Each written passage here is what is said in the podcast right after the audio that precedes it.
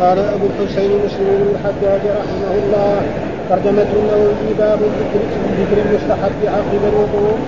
قال حدثني محمد بن حاتم بن ميمون قال حدثنا عبد الرحمن بن مهدي. قال حدثنا معاوية بن صالح عن ربيعة يعني بن يزيد عن ابي ادريس الخولان عن عقبة بن عامر حاول وحدثني أبو عثمان عن جبير بن نفير عن عقبة بن عامر قال كانت عينا رعاية الإبل فجاءت نوبتي فروحتها بعشي فأدركت رسول الله صلى الله عليه وسلم قائما يحدث الناس. فأدركت من قوله ما من مسلم يتوضأ فيحسن وضوءه ثم يقوم فيصلي ركعتين مقبل عليهما بقلبه بقلبه ووجهه إلا وجبت له الجنة. قال فقلت ما أجود هذه؟ فإذا قائل بين يدي يقول التي قبلها. التي قبلها أزوج ونظرت فإذا عمر قال إني قد رأيت كثيرك آنفا قال ما منكم من أحد يتوضأ فيسبغ أو فيسبغ الوضوء؟ ثم يقول أشهد أن لا إله إلا الله وأن محمدا عبد الله ورسوله. إلا فتحت له أبواب الجنة أبواب الجنة الثمانية يدخل من أيها شاء. قال وحدثناه أبو بكر بن أبي شيبة حدثنا سيد بن الحباب قال حدثنا معاوية بن صالح عن ربيعة بن يزيد عن أبي إدريس الخولاني وأبي عثمان عن جبير بن نفيل بن مالك الحضرمي عن عقبة بن عامر الجهني أن رسول الله صلى الله عليه وسلم قال فذكر مثله غير أنه قال من توضأ فقال أشهد أن لا إله إلا الله وحده لا شريك له وأشهد أن محمدا عبده ورسوله. قال حدثني محمد بن الصباح قال حدثنا خالد بن عبد الله عن عبد بن يحيى بن عمارة عن أبيه عن عبد الله بن زيد بن عاصم الأنصاري وكانت له صحبة قال قيل له توضأ لنا وضوءك وضوء رسول الله صلى الله عليه وسلم فدعا بإناء فأكفأ منها على يديه فغسلهما ثلاثا ثم أدخل يده فاستخرجها فمضمض واستنشق من كف واحدة ففعل ذلك ثلاثا ثم أدخل يده فاستخرجها فغسل وجهه ثلاثا ثم أدخل يده فاستخرجها فغسل يديه إلى المرفقين مرتين مرتين ثم أدخل يده فاستخرجها فمسح برأسه فأقبل بيديه وأدبر النغى ثم غسل رجليه إلى الكعبين ثم قال هكذا كان وضوء رسول الله صلى الله عليه وسلم. قال وحدثني قاسم بن زكريا حدثنا خالد بن مخلد عن سليمان هو بن بلال عن عمرو بن يحيى في هذا الإسناد نحوه ولم يذكر الكعبين. قال وحدثني إسحاق بن موسى الأنصاري وحدثنا معن حدثنا مالك بن أنس عن عمرو بن يحيى في هذا الإسناد. وقال مضمض واستنثر ثلاثا ولم يقل من كف واحد وزاد بعد قوله فأقبل بهما وأدبر بدأ بمقدم رأسه ثم ذهب بهما إلى قفاه ثم ردهما حتى رجع إلى المكان الذي بدأ منه وغسل رجليه قال حدثنا عبد الرحمن بن بشر العبد قال حدثنا بس حدثنا وهيب حدثنا عمرو بن يحيى من اسنادهم واختص الحديث وقال فيه فمضمض فمضمض واستنشق واستنثر من ثلاث عرفات وقال أيضا فمسح براسه فأقبل به وأدبر مرة واحدة؟ قال بهز لا علي وهيب هذا الحديث وقال وهيب املا علي عمرو بن املا علي عمرو بن يحيى هذا الحديث مرتين. قال حدثنا هارون بن معروف حاول وحدثني هارون بن سعيد بن الأبي وأبو الطاهر قالوا حدثنا ابن وهب أخبرني عمرو بن الحارث أن حبان بن واسع حدثه أن اباه حدثه أنه سمع عبد الله بن زيد بن عاصم بن هزم يذكر أنه رأى رسول الله صلى الله عليه وسلم توضا فمضمض ثم استنثر ثم غسل وجهه ثلاثا ويده اليمنى ثلاثا والأخرى ثلاثا فمسح برأسه بماء غير فضل بماء غير فضيته وغسل رجليه حتى ألقاهما. قال أبو الطاهر حدثنا ابن وهب عن عمرو بن الحارث قال حدثنا قتيبة بن سعيد وعمرو بن ناقد ومحمد بن عبد الله بن أبي جميعا عن ابن عيينة. قال قتيبة حدثنا سفيان عن أبي الزناد عن الأعرج عن أبي هريرة يبلغ به النبي صلى الله عليه وسلم قال إذا استثمر أحدكم هل يستثمر وإذا توضأ أحدكم فليجعل في انفه ماء ثم ليستنثر ليستنثر قال حدثني محمد بن رافع حدثنا عبد الرزاق بن همام أخبرنا معمر عن همام بن منبه قال هذا ما حدثنا أبو هريرة عن محمد رسول الله صلى الله عليه وسلم فذكر أحاديث منها وقال رسول الله صلى الله عليه وسلم إذا توضأ أحدكم فليشق بمرخرين من الماء الذي يستنهر. قال حدثنا يحيى بن يحيى قال قرأت على مالك عن ابن شهاب عن أبي إدريس الخولاني عن أبي هريرة أن رسول الله صلى الله عليه وسلم قال من توضأ فليستنزل ومن استكبر فليوتر قال حدثنا سعيد بن منصور حدثنا حسان بن إبراهيم حدثنا يونس بن يزيد. حاول وحدثني حرملة بن يحيى اخبرنا ابن وهب أخبرني يونس عن ابن شهاب أخبرني أبو إدريس الخولاني أنه سمع ابا هريره وابا سعيد الخدري يقولان قال رسول الله صلى الله عليه وسلم به قال حدثني بشر بن الحسن العبدي حدثنا عبد العزيز يعني الدراوردي عن ابن الهادي عن محمد بن إبراهيم عن عيسى بن طلحه عن أبي هريرة أن النبي صلى الله عليه وسلم قال إذا استيقظ أحدكم من منامه فليستغفر ثلاث مرات فإن الشيطان يبيت على خياشيمه قال حدثنا إسحاق بن إبراهيم ومحمد بن رافع. قال ابن رافع حدثنا عبد الرزاق أخبرنا ابن جريج أخبرني أبو الزبير أنه سمع جابر بن عبد الله يقول قال رسول الله صلى الله عليه وسلم إذا استثمر أحدكم فليوتر.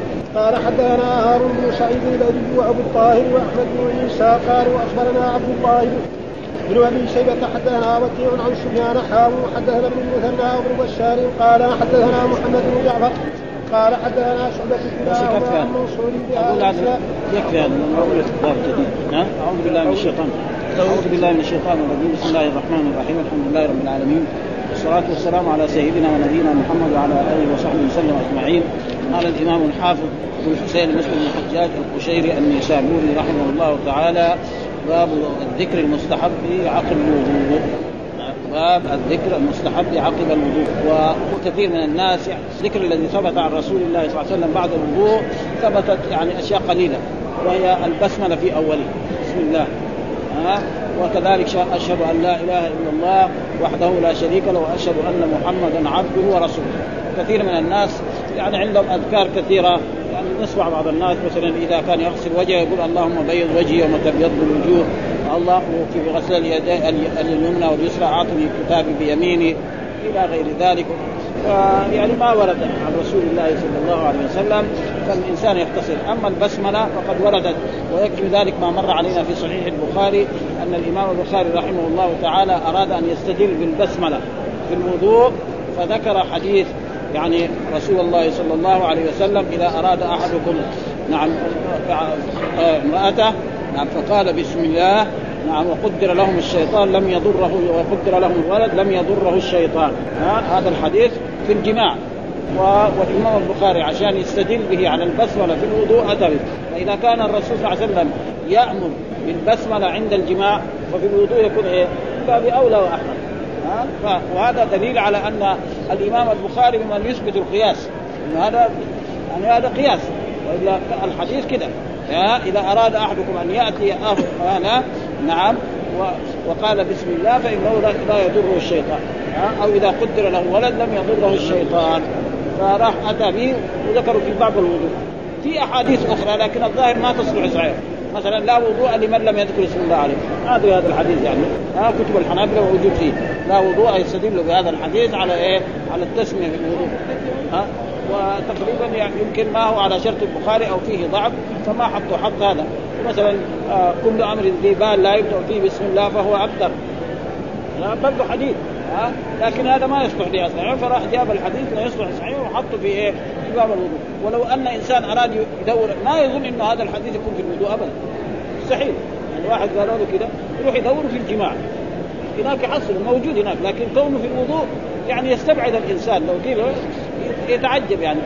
فلذلك فالذكر له الله في أوله وأشهد أن لا إله إلا الله وحده لا شريك له وأشهد أن محمدا عبده ورسوله. جاء إيه فتحت له أبواب الجنة الثمانية يدخل من أيها شاء كذا بهذا بهذا النص.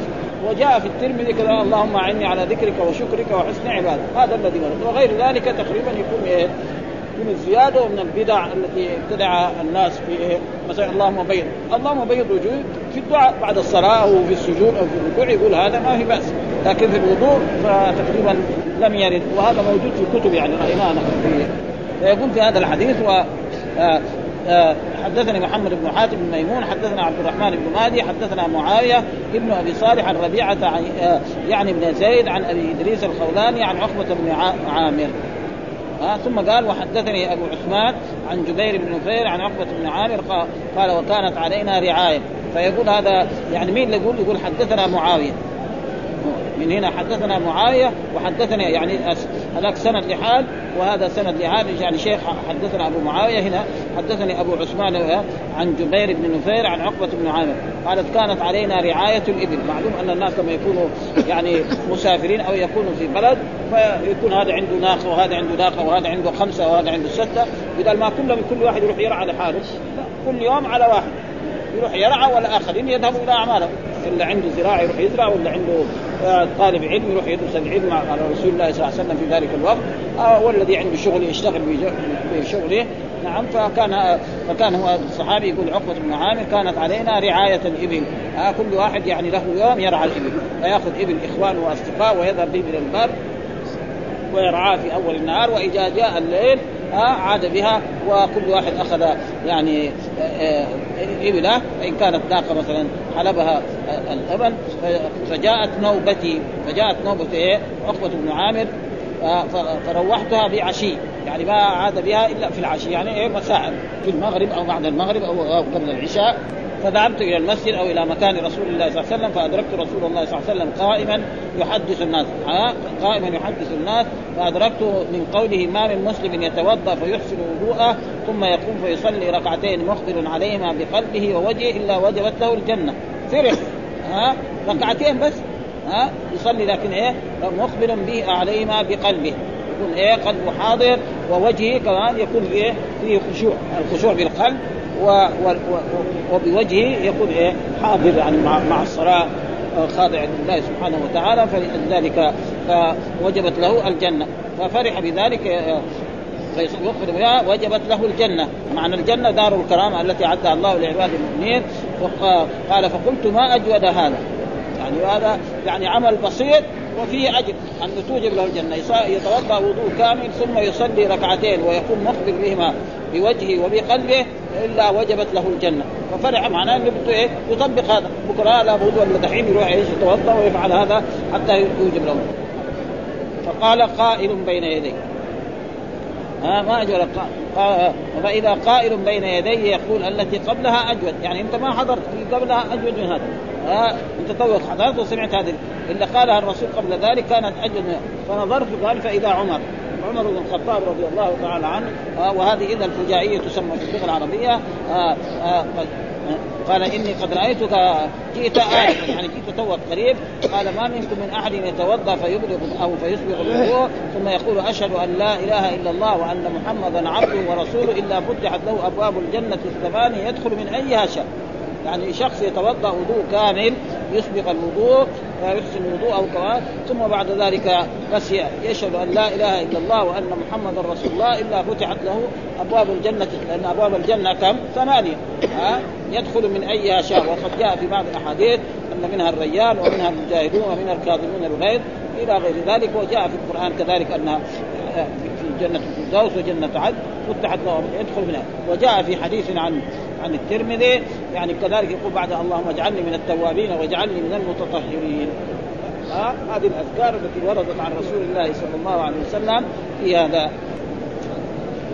يقول هنا يعني فيصلي ركعتين مقبل عليهما بقلبه ووجهه هكذا هو في الأصل مقبل وهو مقبل أي هو مقبل. وقد جمع صلى الله عليه وسلم بين هاتين اللفظتين أنواع الخضوع والخشوع لأن الخضوع في الأعضاء يعني ما يتحرك كثير ولا وبالقلب على ما قاله جماعة من العلماء وقوله ما أجود هذا يعني هذه الكلمة أو الفائدة أو البشارة أو العبادة وجودتها من جهات منها أنها سهلة متيسرة ويقدر عليها كل أحد بلا مشقة ومن ومنها أن أجرها عظيم والله أعلم.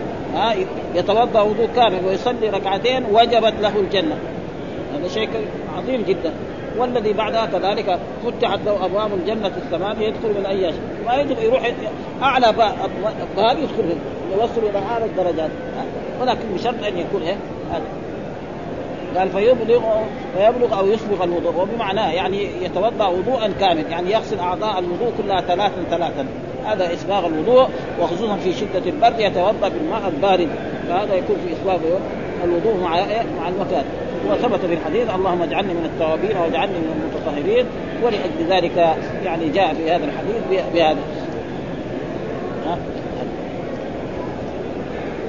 آه، فتحت له أبواب الجنة الثمانيه يدخل من ايها شاء ها وهذا. ثم ذكر الإمام مسلم قال وحدثنا أبو بكر بن أبي شيبة وحدثنا زيد بن الحباب حدثنا معاوية بن صالح عن ربيعة بن يزيد عن أبي إدريس الخولاني وأبي عثمان عن جبير بن نفير بن مالك الحضرمي عن عقبة بن عامر الجهني أن رسول الله صلى الله عليه وسلم قال فذكر مثله غير أنه قال من توضأ فقال أشهد أن لا إله إلا الله وحده لا شريك له وأشهد أن محمدا عبده ورسوله. أشهد أن لا معناه يقول بلسانه وقلبه أنه لا معبود بحق إلا الله ووحده هذا تأكيد لإيه؟ للفظ الجلالة إلا الله ولا شريك تأكيد لإيه؟ لا إله إلا الله وأشهد أن محمدا عبده ورسوله أنه ليس له طريق يوصله إلى الجنة إلا عن طريق محمد صلى الله عليه وسلم وباتباعه وهذا ذكر عظيم جدا ها وكذلك البسملة يعني ثبتت في أحاديث والإمام ما كما ذكر البخاري أنه ساق في إيه في الوضوء واستدل بحديث يعني الاتصال الجنسي أن الرسول ذكر فيها إذا إنسان أراد أن يأتي أهله. نعم وقال بسم الله وقدر الولد فإنه لم يضره الشيطان ابدا. فإذا كان يعني الرسول يأمر بالبسملة في الجماع وفي الوضوء من باب أولى. وأمر يعني إيه حتى الإنسان إذا لبس ثوبا أو إذا اراد يدخل مسجد يسمي فهذا تقريبا ويقول وجاء كذلك يعني في كتاب عمل اليوم والليله مرفوعا سبحانك اللهم وبحمدك وأشهد أن لا إله إلا أنت وحدك لا شريك لك. أستغفرك وأتوب إليك. قال أصحابنا وتستحب هذه الأذكار للمغتسل أيضا. حتى المغتسل كذلك يسمي في أول الاغتسال من الجنابة أو للجمعة أو للعيد أو لغير ذلك. وكذلك يقول إيه أشهد أن لا إله إلا الله وحده لا شريك له وأشهد أن محمدا عبده ورسوله. ويقول اللهم اجعلني من التوابين واجعلني من المتطهرين. ثم ذكر باب آه باب آخر في صفة الوضوء. الأحاديث التي ذكرها في صفة الوضوء كلها عن عثمان عن حمران. هذيك دحين عن زيد. وهذه كذا في بعض الكتب زي بلوغ المرام يذكر هذا وهذا. فهذا الفرق الآن. يعني هذيك الأحاديث كلها عن عثمان بن عفان أعلم أصحاب رسول الله صلى الله عليه وسلم كيفية وضوء رسول الله صلى الله عليه وسلم ومولاه نقلها لإيه؟ للمسلمين. وهنا دحين باب أحاديث عن صفة إيه؟ زيد. زيد بن عاصم الأنصاري. وهذه صفة وهذه صفة والخلاف بينهم بسيط جدا. وإيش الدليل؟ قال حدثنا محمد بن الصباح حدثنا خالد بن عبد الله عن عمرو بن يحيى ابن عمارة عن ابي عن عبد الله بن زيد بن عاصم الأنصاري وكانت له صحبة من أصحاب رسول الله صلى الله عليه وسلم. قال قيل له توضأ لنا وضوء آه توضأ لنا وضوء رسول الله صلى الله عليه وسلم. يعني توضأ لنا حتى نقتدي بذلك. وهذا كان واجب يعني يعني العلماء وواجب خصوصا آه، المدرسون في في المدارس. آه، مثلا مدرس في المدارس الابتدائية يأتي بالماء ويتوضأ أمام الطلاب. كذا هذا من أحسن ما يكون. يتوضأ أمام الطلاب في سنة أولى أو في سنة الثانية أو في الثالثة أو في الرابعة الابتدائي كله. آه ومره كذلك يصلي بهم ويوريهم كيفية الصلاة. هذا تقريبا ولذلك التابعين يطلبون من هذا الصحابي رضي الله تعالى عنه فقيل توضأ لنا وضوء رسول الله. يعني افعل مثل وضوء رسول. والواو هنا بالضم كمان. وضوء. ها؟ وضوء بمعنى الفعل. وضوء بمعنى الماء ها؟ الذي يتوضأ. فلذلك هنا الواو مضموم وضوء رسول الله صلى الله عليه وسلم فدعا بإناء. فأقفع على يديه فغسله. على يديه يعني. إذا المامون كذا أقرأ على يديه أو كذا وكف على على على يده واحدة ثم جمع الاثنين وغسل بهما يعني يديه ثلاثة. وجاء ثم أدخل يده فاستخرج. يعني مثلا مواعين كذا تكون ضيقة ما يقدر يدخل يدين الاثنين واحدة منهم يدخل. فاستخرج ما فمضمض واستنشق. ها المضمضة واستنشق من كف واحدة. يعني المضمضة والاستنشاق من كف فعل ذلك ثلاثا وفي أحاديث مرت علينا أنه تمضمض ثلاثا واستنشق ثلاثا. وهذا جائز وهذا جائز. أيهما فعل فلا ثم دخل أدخل يده ثم أدخل يده في فاستخرجها فغسل وجهه ثلاثا. ثم أدخل يده فاستخرجها يعني يده واحدة الماعون ما يذكر فغسل يديه إلى المرفقين مرتين مرتين. ها وهذا جائز.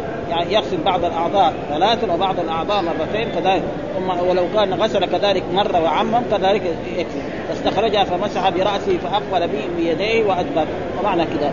عن كذا وعاد ثم غسل رجليه إلى الكعبين يعني اليمنى واليسرى إلى الكعبين. والكعبان هم العظمان الناتئان في أسفل الساق. ثم قال هكذا وكان وضوء رسول الله صلى الله عليه وسلم. وهذه يعني آه، صورة من إيه؟ من صور وضوء رسول الله صلى الله عليه وسلم غير حقة حمران وعثمان وهذه عن عن عن عبد الله بن زيد بن عاصم الأنصاري. وحدثنا القاسم بن زكريا حدثنا خالد بن مخلد عن سليمان وهو ابن هلال عن عمرو بن يحيى بهذا الإسناد نحو ولم يذكر الكعبين. ها يعني غسل رجليه بس ما قال إيه إلى الكعبين. وهذا وحدثنا إسحاق بن موسى الأنصاري حدثنا معن حدثنا مالك بن أنس آه، آه، آه، مالك بن أنس عن عمرو بن يحيى بهذا الإسناد وقال مضمض واستنثر ثلاثا. مضمض واستنثر ثلاث يعني كل واحد من ثلاث ولم يخل من كف واحد. يعني يكون إيه؟ من ثلاثة أو من من ستة. وزاد بعدها قوله فأقبل بهما وأدبر بدأ بمقدم رأسه وهذا المقدم وهذا المؤخر. ثم ذهب بهما ثم ردهما حتى رجع إلى المكان الذي بدا وهناك مر علينا أن بعض الأئمة يرى أنه يكفي ربع الرأس. ها وبعض الأئمة يرى أنه يكفي ولو شعره. كالامام الشافعي رحمه الله تعالى والإمام أبو حنيفة يرى. والمالكية يروا أنه لابد يمسح الرأس كله. ها وذكر بعضهم لو كانت يده مبلولة ووضعها على على رأسه. وهذا كله إيه؟ من قول الله تعالى في القرآن نعم وامسحوا برؤوسكم وأرجلكم. يقول الباء هنا للتبعيد بعضهم. وامسحوا برؤوسكم يعني إيه؟ يعني أن الباء للتبعيد. والصحيح أنها يعني بمسح الرأس. وكذلك آه، الرافضه الذين قالوا وامسحوا برؤوسكم وأرجلكم هذا غلط. ها المجرور على إيه؟ يعني على الجوار. وهذا والمجرور على الجوار هذا ضعيف جدا في اللغة العربية، المجرورات ثلاث ثلاث أنواع، مجرور بحرف الجر، مجرور بالإضافة، مجرور بالتبعية. أما مجرور بالتبع يعني بالجوار هذا ضعيف ما يوجد إلا في اللغة العربية فإذا وجد في أبيات يعني شعر فيؤخذ. آه ثم ولم يذكر الكعبين وحدثنا إسحاق بن موسى الأنصاري حدثنا معنا حدثنا مالك بن أنس عن عمرو بن يحيى بهذا الإسناد وقال واستنكرت ولم يكن من كف واحدة وزاد هذا ثم ردهما حتى يرجع آه، رجع إلى المكان الذي وغسل رجليه ولم يخل إلى الكعبين. وكل يعني راوي يروي ما سمعه من شيخ ما يزيد ولا حرف وهذول أئمة الحديث هكذا ها؟ ما يجيب بالمعنى ولا شيء. رجليه قال له خلاص رجليه. هذول قال له رجليه إلى الكعبين يذكر الكعبين. والذي حدثنا عبد الرحمن بن بشر على عبدي حدثنا باز حدثنا وهيب حدثنا عمرو بن يحيى بمثل إسنادهم واختص الحديث. يعني ذكر إيه؟ بقية الحديث هو الحديث. وقال فيه ومضمض واستنشق واستنثر من ثلاث غرفات.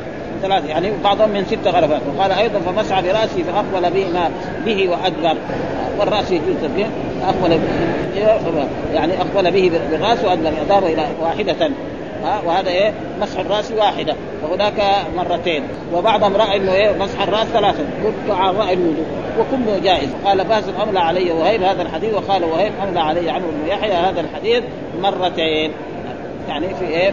مدى الثلاث حدثنا هارون بن معروف وحدثنا هارون بن سعيد الأيلي وأبو الطاهر قال وحدثنا ابن وهب قال أخبرني عمرو بن الحارث أن حبان ابن واسع حدثه أن أباه حدثه أن سمع عبد الله بن زيد بن عاصم المازني يذكر أنه رأى رسول الله صلى الله عليه وسلم توضأ فمضمض ثم استنثر ثم غسل وجهه ثلاثا ويده اليمنى ثلاثا والأخرى ثلاثا ومسح براسه بماء غير فضل يديه.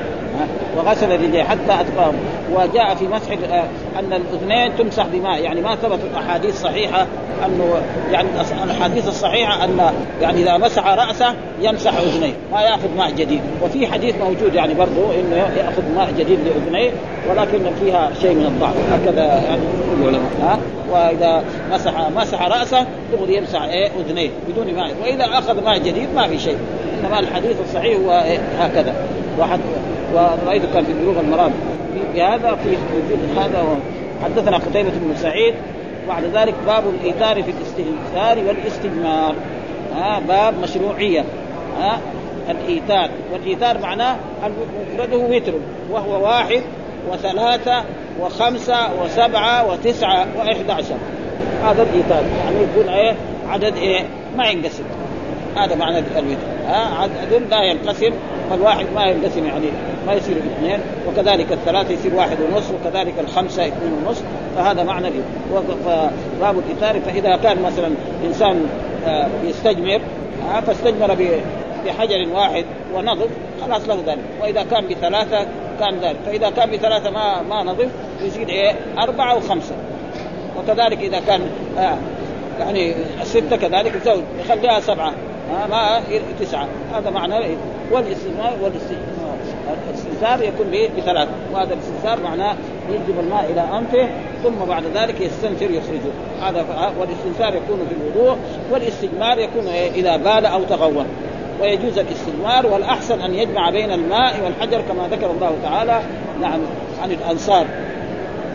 فذكر نعم يحبون أن يتطهروا والله يحب فيه رجال يحبون أن يتطهروا والله يحب المطهرين. ها؟ رجال يحبون. وسأل الرسول صلى الله عليه وسلم الأنصار لماذا هذا؟ قال نحن سافرنا اليهود ووجدناهم إذا فعلوا ذلك وهم كانوا أهل الكتاب يفعلون ذلك ففعلنا مثلهم فلأجل ذلك أثنى الله عليهم في كتابه. ها فيه رجال. يعني في إيه؟ في مسجد في قبى رجال يحبون أن يتطهروا والله يحب المطهرين هنا المطهرين هناك في البقرة المتطهرين في إيه؟ في سورة يعني في الحيض. يعني فيقول باب الإيثار في الاستنثار. يعني يستنثر ثلاثة ثلاث مرات يأخذ الماء أو مرة وكذا. والاستجمار استجمار في إزالة إيه؟ أثر البول أو الغائط. إذا. ويجوز الاستجمار ويجوز أما الاستجمار فهو مسح محل البول والغائط بالجمار يعني بالحجاب وهي الإحجار إيه؟ الصغار. وجاء في أحاديث أنه لا يستجمر يعني بروث ولا عظم.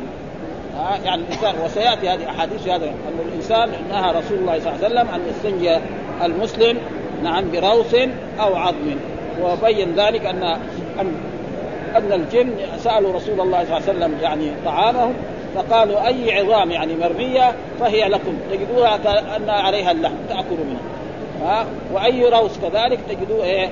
لدوابكم فلذلك نهى الرسول صلى الله عليه وسلم وسيأتي له يعني وأما الاستماع فمختص بالمسح بالاحجار وأما الاستطابة والاستنجاء فيكونان بالماء. يعني إذا قيل الاستطابة بعض الكتب يقول باب الاستطابة. إيش معناه؟ أن يستجمر بالأحجار ثم بعد ذلك يدفع ذلك بالماء. وهذا اظهر ولذلك الله مدح الأنصار قال فيه رجال يحبون أن والله يحب المطهرين وسأل الرسول أصحابه عن ذلك فقالوا نحن سافرنا اليهود وجدناهم يفعلون ذلك وفعلنا ذلك. وهو صحيح مشهور ومن طرائف العلماء من اللغويين والمحدثين وقال القاضي عياض رحمه الله اختلف قول مالك وغيره في معنى الاستجمار المذكور في هذا الحديث فقيل, فقيل هذا وقيل المراد به في البخور. ها؟ يعني هذا بعيد ها؟ أن يأخذ منه ثلاث قطع أو يأخذ منه ثلاث مرات يستعمل واحدة بعد أخرى. ويمكن. ليس استجمار من إيه؟ من الاستجمار وهو يعني يأتي بالجمر. استجمر فلان من فلان معناه أتى بالجمر وحط فيه البخور واستجمر. ممكن. هذا. ولكن المراد في هذه الأحاديث المقصود الاستجمار هذا. وإلا من جهة اللغة جائز. ها والأول أظهر. والصحيح المعلوم ما قدمنا والمراد بالإيثار أن يكون عدد المسحات ثلاثا أو خمسا أو فوق ذلك سبعا.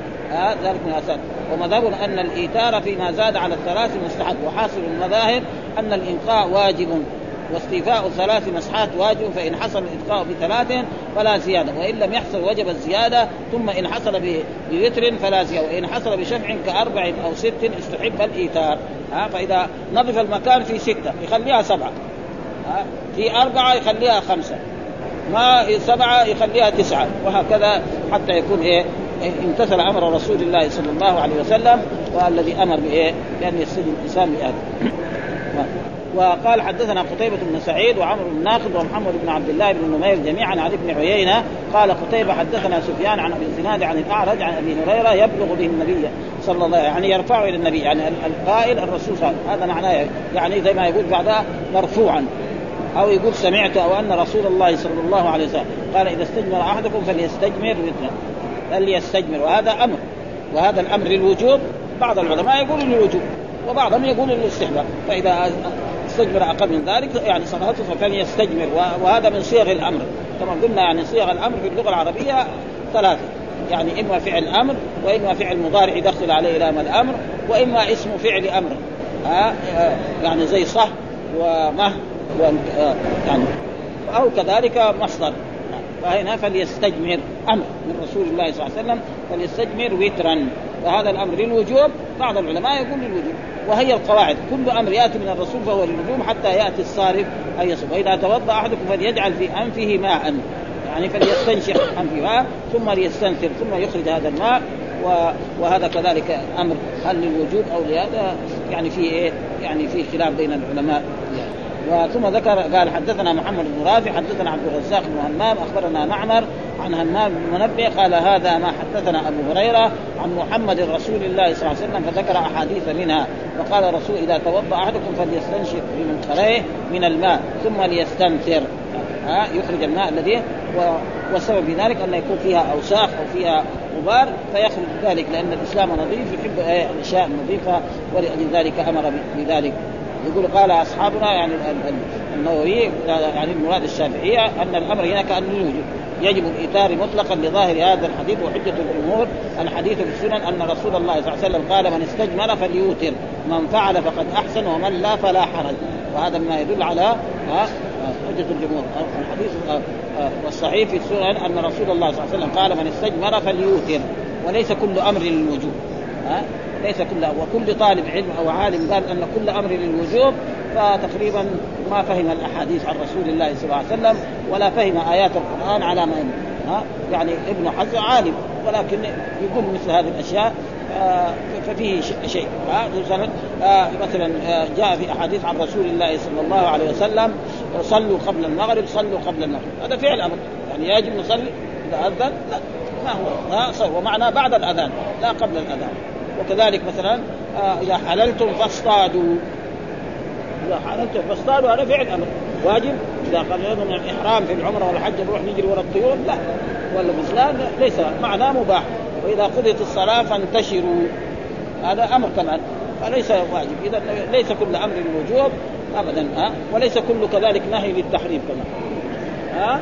ليس كل نهي للتحريم. مثال ذلك مثلا آه يعني جاء في الحديث نهى رسول الله صلى الله عليه وسلم عن الصلاة بعد العصر أو بعد الصبح. فلو واحد جاء وجلس يعني صلى تقريبا أو في أحاديث مثلا في, الاغتسال أو هذا فلا يلزم من ذلك أن كل نهي للوجوب كمان ثم ذكر حدثنا سعيد بن منصور حدثنا حسان بن إبراهيم حدثنا يونس بن يزيد وقال حول الإسناد وقال حدثنا حرمانة بن يحيى أخبرنا ابن وهب أخبرني يونس نعم ابن شهاب أخبرني أبو داوود أبو إدريس الخولاني أنه سمع أبا هريرة وأبا سعيد يعني آه يعني من من صحابيين وأبا سعيد يقولان قال رسول الله صلى الله عليه وسلم بمثله آه مثل هذا الحديث آه آه والحديث كذلك الآخر حدثنا بشر بن الحكم العبدي حدثنا عبد العزيز يعني الدراوردي عن ابن الهاد عن محمد بن إبراهيم عن عيسى بن طلحة عن أبي هريرة أن النبي قال إذا استيقظ أحدكم من منامه فليستنثر. ها؟ فليستنثر. أمر وهذا الأمر بالندم ثلاث مرات. فإن الشيطان يبيت على خياشيمه. وهذا معروف. أن الشيطان يبيت على خياشيمه. والخياشيم إيش معناه؟ يقول قال العلماء الخيشوم أعلى الأنف. يعني هذا المكان فوق ها؟ ها كله وقيل هي عظام رقاق لينة في أقصى الانف يعني وبينه وبين الدماغ وقيل غير ذلك وهو اختلاف متقارب. فالمعنى قال القاضي عياض رحمه الله يحتمل أن يكون قوله صحيح فإن الشيطان يبيت على خياشيمه على حقيقته وهذا ما في شيء ها؟ ان الشيطان يعني يفعل. وجاء في أحاديث كثيرة أن الإنسان إذا دخل بيته ولم يسمي يعني دخل الشيطان معه ها؟ فإذا أكل يأكل معه. نعم. وإذا كذلك إذا ما سمى كذلك يدخل معاه في الفراش وينام معه. فالتسمية يعني هي, الذي يطرد الشيطان. وجاء في أحاديث برضه عن رسول الله صلى الله عليه وسلم أن إذا نام الإنسان يأتي الشيطان ويقول عليك ليلا طويل عليك ليلا طويل نام حتى لا يصلي الفجر. فإذا استيقظ وذكر اسم الله قال أو عقد عليه ثلاث عقد انحلت عقدة. وإذا توضأ انحلت العقدة الثالثة. وإذا صلى انحلت العقدة الثالثة. وهذه أشياء يعني صحيحة فإن الشيطان يبيت على على فإن فإن الأنف أحد منافذ الجسم. يعني الأنف أحد المنافذ التي توصل إلى القلب منها لا سيما وليس من منافذ ما ليس عليه غلق سوى سواه وسوى الاذنين يعني كل شيء العين ها كذا يغمض عينه. طيب ها وأما الأنف والأذن ما مفتوح كذا وفي الحديث إن الشيطان لا يفتح غلقا. يعني الشيء المغطى أو المسكوك لا يفتحه ابدا. ولذلك أمر حتى الرسول إذا ما وجد شيء يحط ولو كان إيه عود كده على الشراب حقه فلا يقدر. وأما إذا تركه هكذا يعني ف وكذلك وجاء في التثاؤب الأمر بكظمه. الانسان قال التثاؤب من الشيطان وأما العطاس فهو ممدوح. ويحتمل أن يكون على الاستعارة. ها فإنه ينعقد ها من الغبار من الغبار ورطوبة الخياشيم. أقدار توافق الشيطان. استعارة. ومعلوم يعني الأئمة يروا إنه في استعارة والاستعارات تنقسم إلى أقسام علميه واشياء آه ثم ذكر باب وجوب غسل الرجلين بكمال وهذا في إيه؟ يعني للرد. هذه الأبواب يعني علماء السنة ليردوا على الشيعة والرافضه لأنه يقول لا الرجل يعني إيه؟ تمسح. ويقرأ قوله أيديكم وامسحوا برؤوسكم وأرجلكم. وارجلكم أمسحوا برؤوسكم وأرجلكم. فيكون أرجلكم معطوف على برؤوسكم. فعلماء السنة عشان يردوا على الشيعة وعلى من يقول ذلك إيه باب وجوب غسل الرجلين لكمالهما. إلى إيه؟ إلى المرفقين، هذه الأبواب للرد على الشيعة الذين يقولوا إيه؟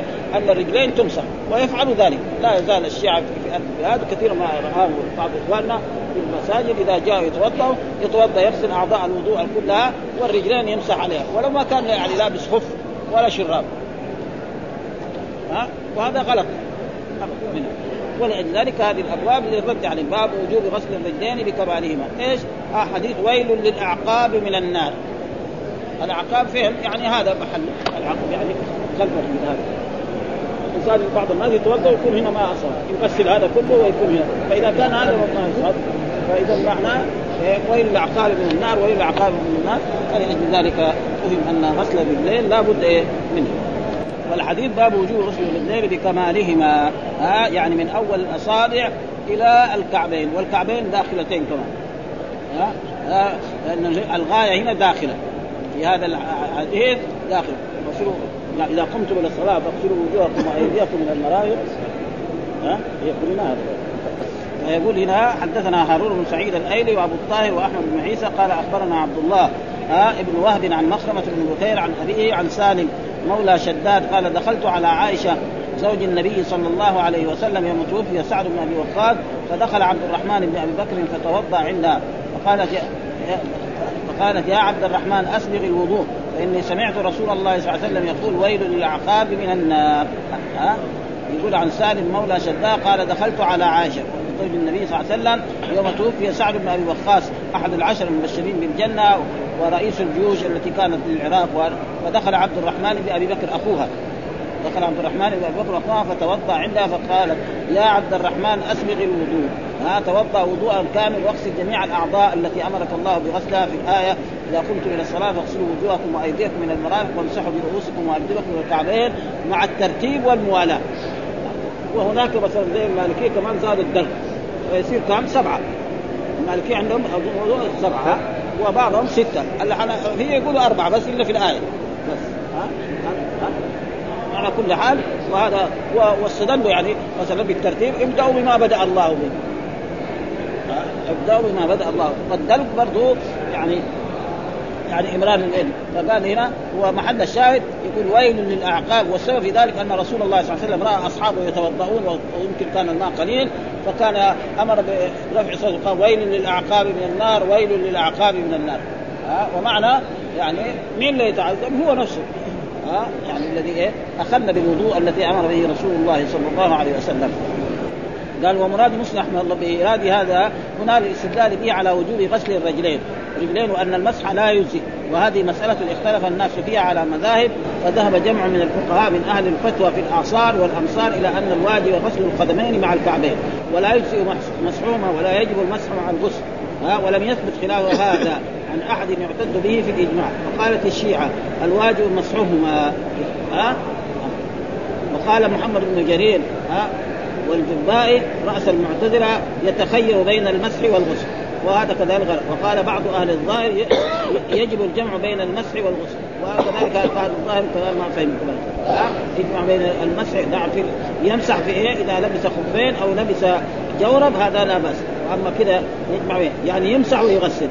وتعلق هؤلاء المخالفون للجماهير بما لا تظهر فيه دلالته وقد أوضحت دلائل المسألة من الكتاب والسنة وشواهدها ووجود ما تعلق به المخالفون بأبسط العبارات المنقحات في شرح المهذب بحيث لم يبق للمخالف شبهة أصلا.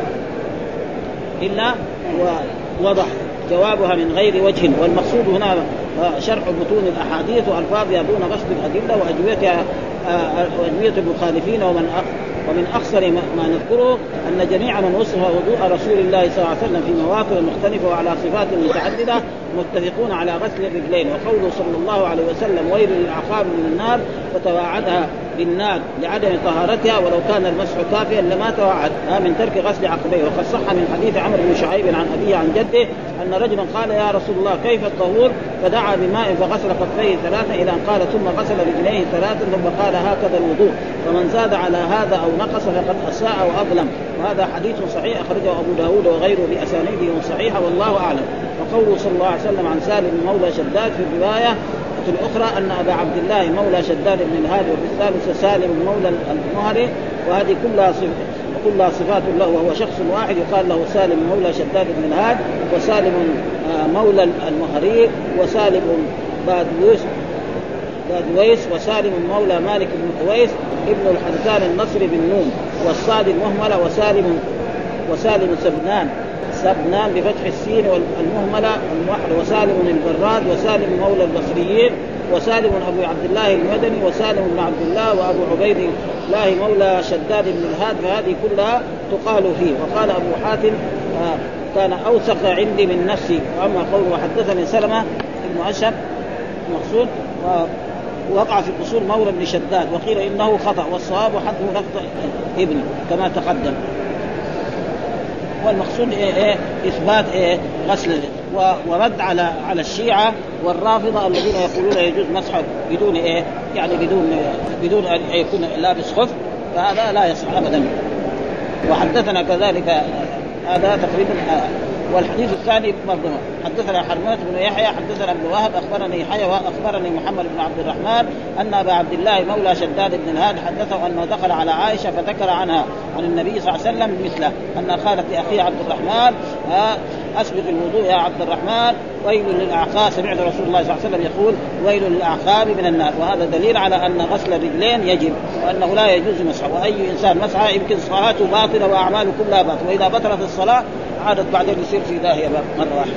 ها فهم غلطانون جدا الرافض يعني حدثنا محمد بن حاتم وأبو معن الرقاشي قال حدثنا عمرو بن يونس حدثنا عكرمه بن عمار حدثني يحيى بن أبي كثير قال حدثني أو حدثنا أبو سلمة بن عبد الرحمن حدثني سالم مولى المهري. قال خرجت أنا وعبد الرحمن بن أبي بكر في جنازة سعد بن أبي وقاص فمررنا على باب حجرة عائشة فذكر عنها عن النبي صلى الله عليه وسلم مثله. ويل للعقاب من توضأ يعني أسبق الوضوء يا عبد الرحمن قد آه، حدثنا سلمة بن شبيب حدثنا الحسن بن أعين حدثنا فليح حدثني نعيم بن عبد الله عن سالم مولى شداد قال كنت أنا مع عائشة رضي الله فذكر عنها عن النبي صلى الله عليه وسلم بمثله. وحدثنا زهير بن حرب حدثنا جرير حول الإسناد وقال حدثنا إسحاق قال أخبرنا جرير عن منصور عن هلال بن سياف عن أبي يحيى عن عبد الله بن عمرو. قال رجع رجعنا مع رسول الله من مكة إلى المدينة حتى إذا كنا بماء في الطريق تعجل قوم عند العصر فتوضأوا وهم عجال. فانتهينا إليهم وأعقابهم تلوح. يعني باقي إيه؟ بياض. هذا معناه. يعني عقابهم تلوح. عالمين صلى الله وسلم على نبينا محمد وعلى آله وصحبه وسلم.